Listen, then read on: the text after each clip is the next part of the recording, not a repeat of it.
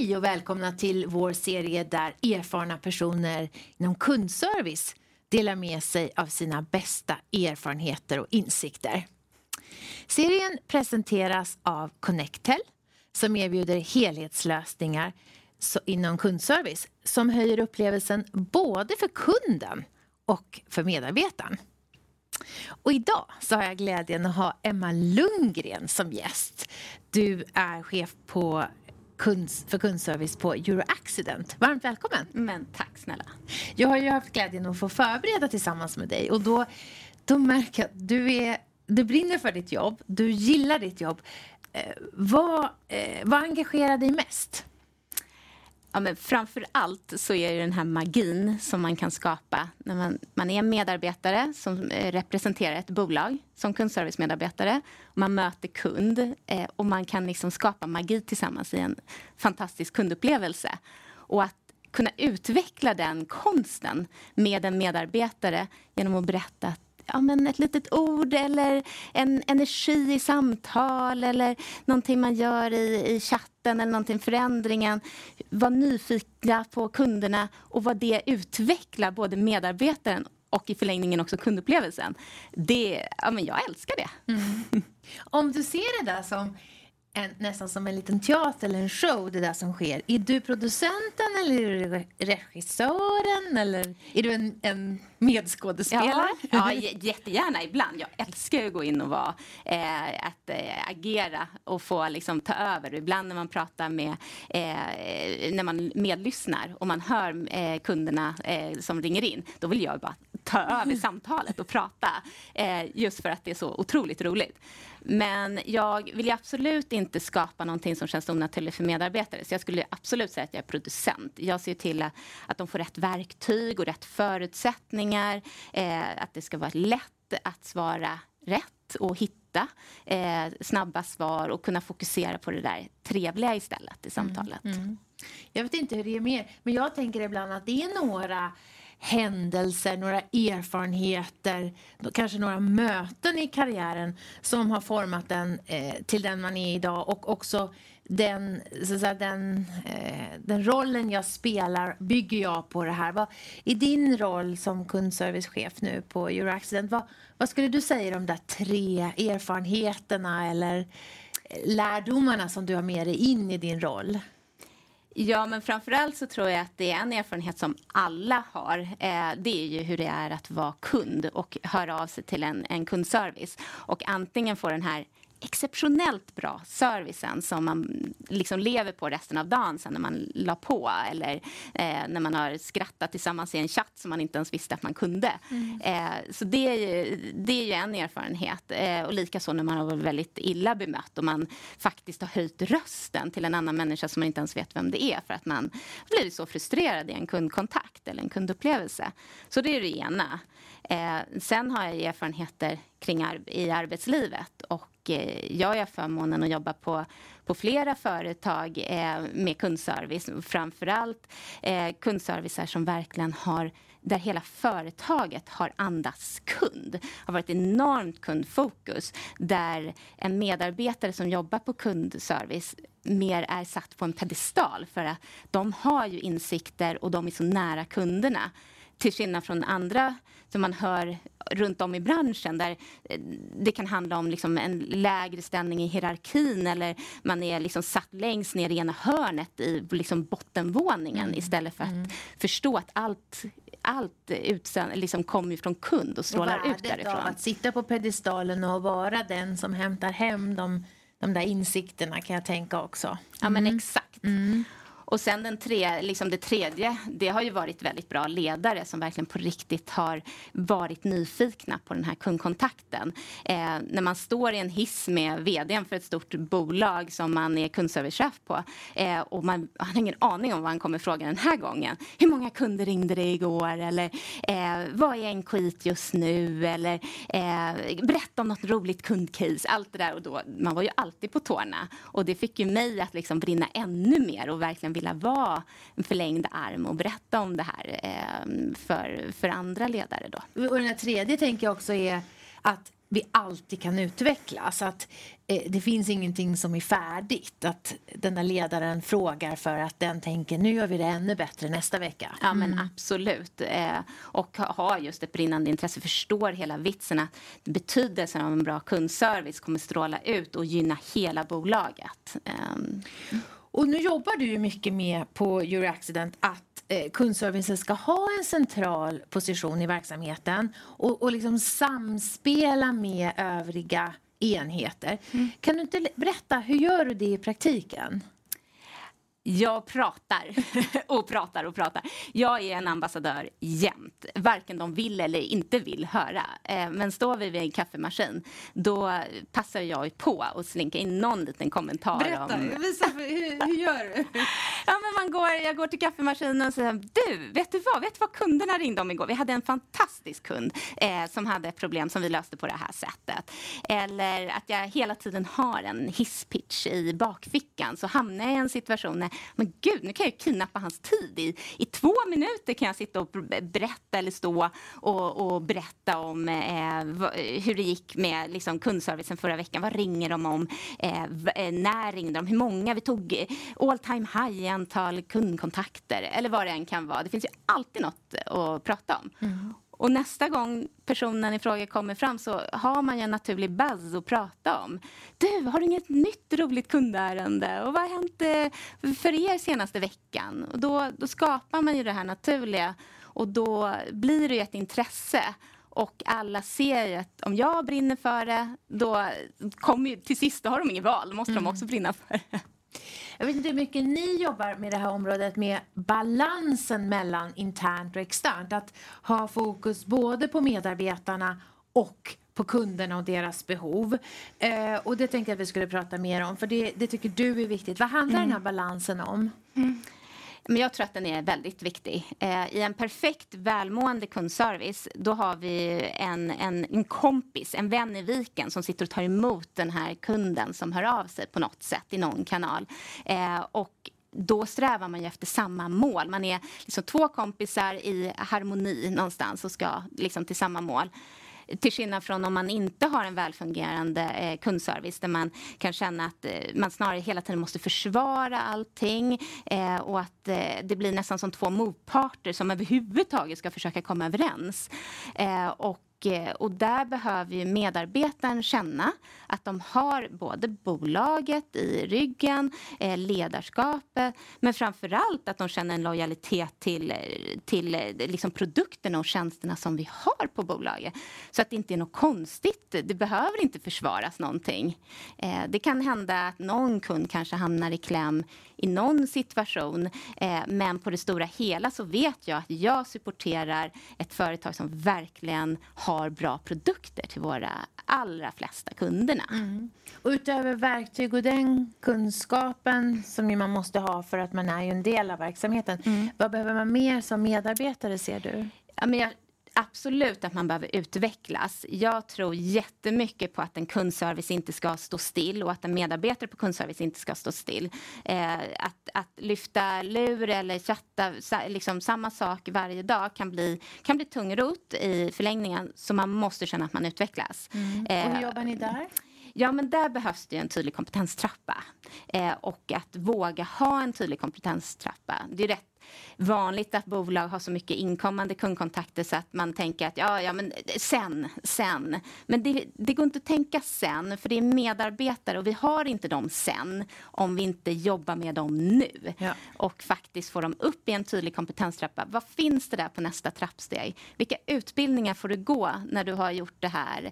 Eller vad, eh, vilka specialistroller kan du sträva mot? Eller någonting sånt. Och, och var väldigt tydlig eh, både liksom, som gruppchef, teamledare, alla led egentligen, att det finns en utveckling för dig här. Stanna här mm. Och hur integrerar ni eh, utbildning, utveckling, kompetenshöjning i arbetet så att det inte blir en separat aktivitet? Eh, ja, men dels så tror jag, jag tror väldigt mycket på att faktiskt eh, göra en utbildning kopplat till liksom samtalsmetodik och så. så att, eh, och den lever man ju i vardagen väldigt tydligt. Att, eh, att eh, hjälpa till med samtalsstyrning och, så, och just den här konsten, förä, liksom förädla konsten av, av, att kunna ge bra kundservice. Det är en utveckling i sig. Eh, det behöver inte vara en extern utbildning eller en praktisk utbildning utan det kan vara väldigt mycket en utbildning kopplat till till eh, det du verkligen har nytta av i vardagen. Mm. Och det blir ju mer verkligt också. Det är väldigt ja. lätt att ta till mm. sig av det. Och dessutom har du nytta av det som kund också. För då vet du precis, ja men så här kan jag agera när jag ringer in som kund istället till en annan kundservice. Just det. Man vet vilka ord som funkar. Och kunderna då? Eh, om vi tittar på den här balansen, vad behöver de? Mm.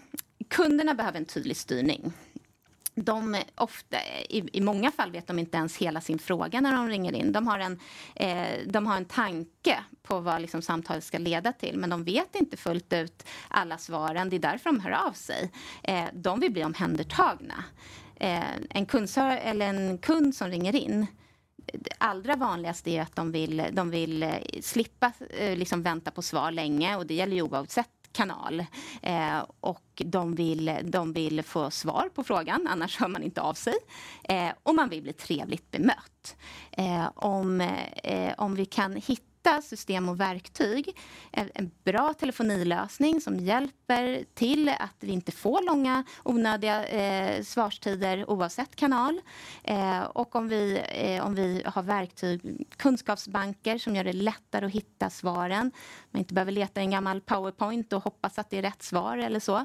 Eh, då kan ju medarbetarna fokusera på liksom det här bemötandet ja. och göra det där För magiska. De får också lägre stress. Exakt, mm. och de mm. känner sig trygga. De vet att en annan medarbetare hade svarat på samma sätt. För jag har samtalsmetodiken och vi har verktygen eh, som hjälper oss att ge bra svar till kund.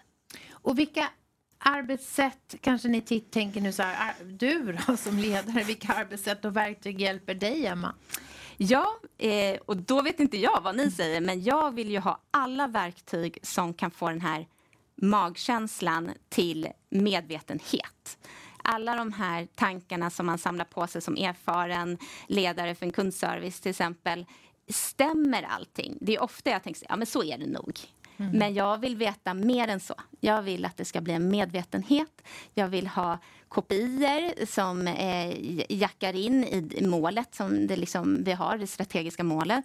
Jag vill ha statistik. Eh, men sen så vill jag ha analys av statistiken. Om jag har siffrorna eh, då faller det rätt platt om jag inte kan göra en vettig analys av, eh, av siffrorna. Mm. Till exempel, vad ringer kunderna om? Och varför skiljer det sig åt med vad de chattar om till exempel? Vad är hemligheten? Allt det som kan hjälpa mig att göra liksom bättre bemanningsprognos framöver. Hur ska vi vara bemannade? Vilka kanaler ska vi använda oss av? Eh, vad behöver vi för verktyg? Mm. Mm. Det känns ju som att Eh, det, det, det, är liksom per automatik så ska man då och då göra en omorganisation för det bara är så det ska vara. Eh, men men jag, jag skulle vilja fråga dig, eh, hur vet vi när och om det behövs någon typ av omorganisation eller eh, förändring av arbetssätt? Ja, det gäller ju att vara öppen öppen för de varningssignaler som finns. För de finns. Eh, du, och egentligen så har du lättare att se dem på en kundservice än många andra avdelningar. För du får så direkt respons från kunderna. Allra helst ska du ju mäta kundnöjdhet på något sätt efter eh, samtalet eller inkomna eh, kontakter på andra sätt. Eh, så att du, du kan följa det över tid.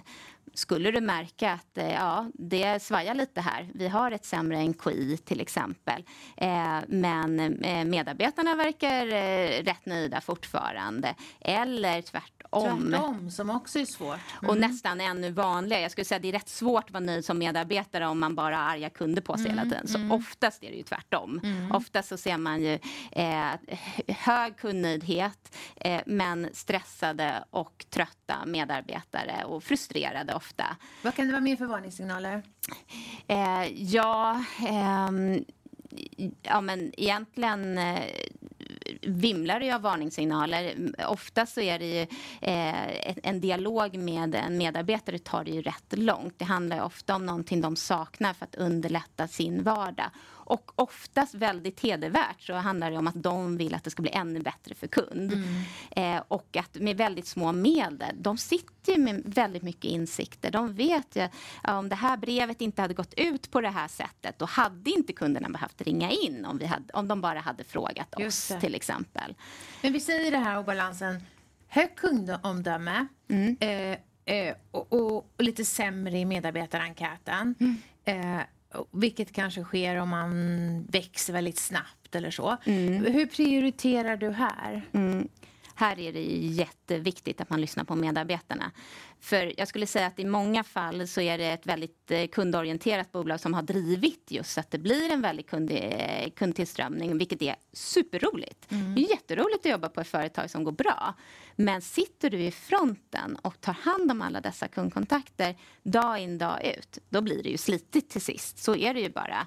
Och då gäller det att, eh, att man som ledare gör, blir liksom förlängda armen för medarbetarna som sitter fast i sina kundkontakter. Jag behöver gå och prata. Jag behöver gå upp i, i prio, prioriteringsgrupper, IT-prioriteringsgrupper. Jag behöver prata med ledning.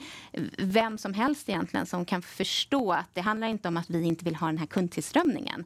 Det handlar om att vi ska mäkta med och ta hand om den. Mm. Annars och, tappar vi alla de här medarbetarna. Mm. Ja, och då, kunderna, vad får de för första kundupplevelse ja.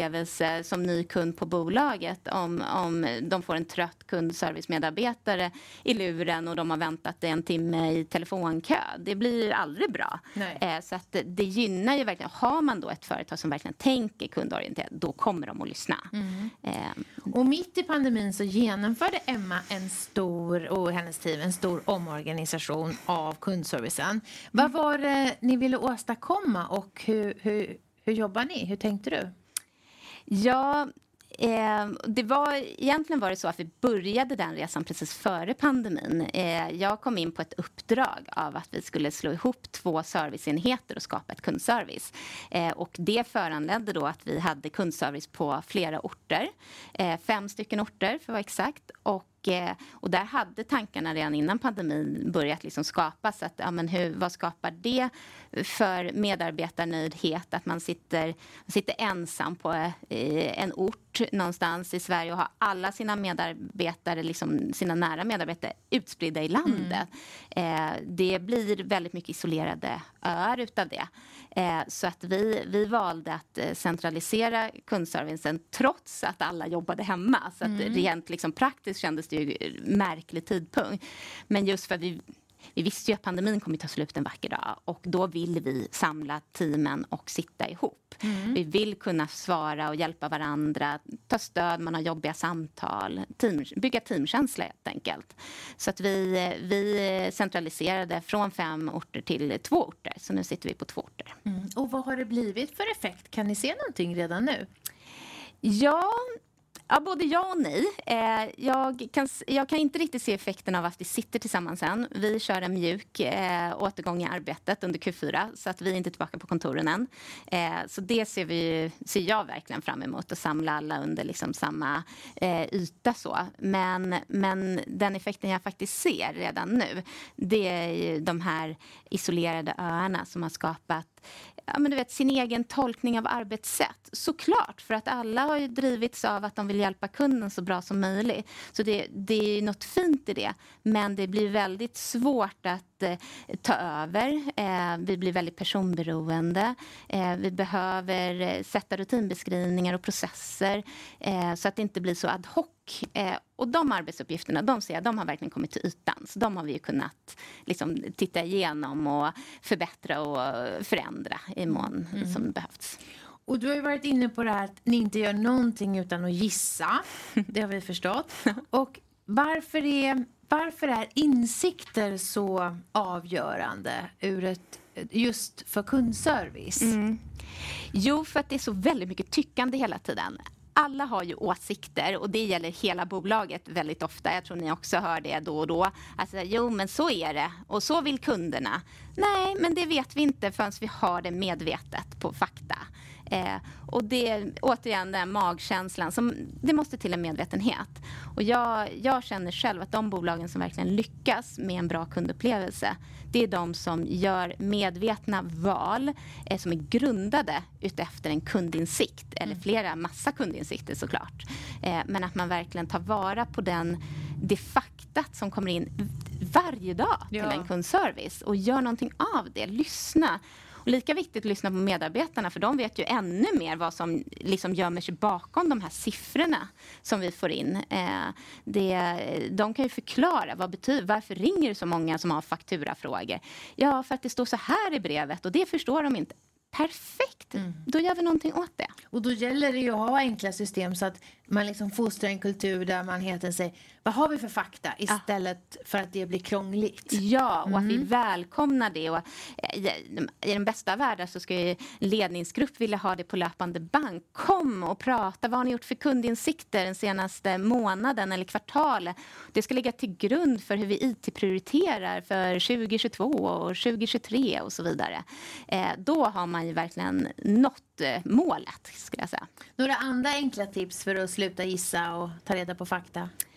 Ja, ja, men det har jag ju såklart. Eh, ofta så handlar det om eh, att man fastnar i det här inifrån och ut-tänket. Och det låter som en klyscha, och, men det är sant. Jag hamnar också där mm. då och då. Eh, det blir liksom inskränkt. Och då kan man ju väldigt enkelt ta hjälp av vem som helst. Eh, fråga din mamma, fråga en kompis, en ex-kollega från något annat företag.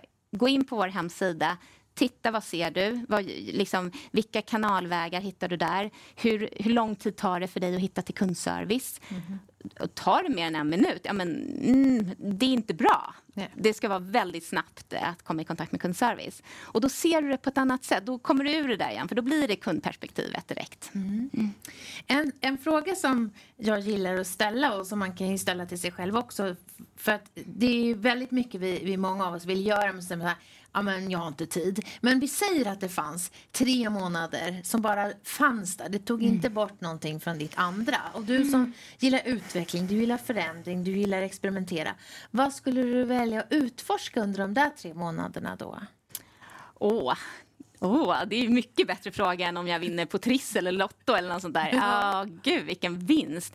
Eh, jag skulle absolut satsa på medarbetarna eh, och medarbetarverktyg. Jättegärna någonting kring gamification. Alltså göra det, det ska vara roligt att gå till jobbet. Det ska vara liksom triggande. Eh, och det behöver, vissa triggas av tävling och liksom pokaler och sådana saker. Andra triggas av andra saker. Eh, hitta hitta det. Vad triggar mina medarbetare? Och hur kan jag göra det ännu roligare för dem att gå till jobbet? Och då finns det ju massa, massa roligt där ute som man skulle kunna Så du skulle vilja armkroka med en, en gamification-expert i tre månader? Och, eller bli en själv? Eller bli en själv. Jag har ju såklart massa idéer som jag tror på. Men att få liksom, tänka på att ta sina medarbetare in i ett rum och liksom inte massa kundkontakter som de måste tillbaka till. Utan få grotta ner sig ordentligt och lära känna vad driver dig? När är det som roligast att gå till jobbet? Mm. Och sen få liksom skapa något av det. Mm. Ja, det hade varit magiskt. Jag är så nyfiken på ni som tittar vad ni vill lägga er tid på. För att det är ungefär här man själv vill vara, där det här utforskandet finns. Mm. Eh, Tack för att ni har tittat idag och tack Emma Lundgren för att du var med och både spred engagemang och väldigt konkreta tips. Ja, men tack själv, jätteroligt.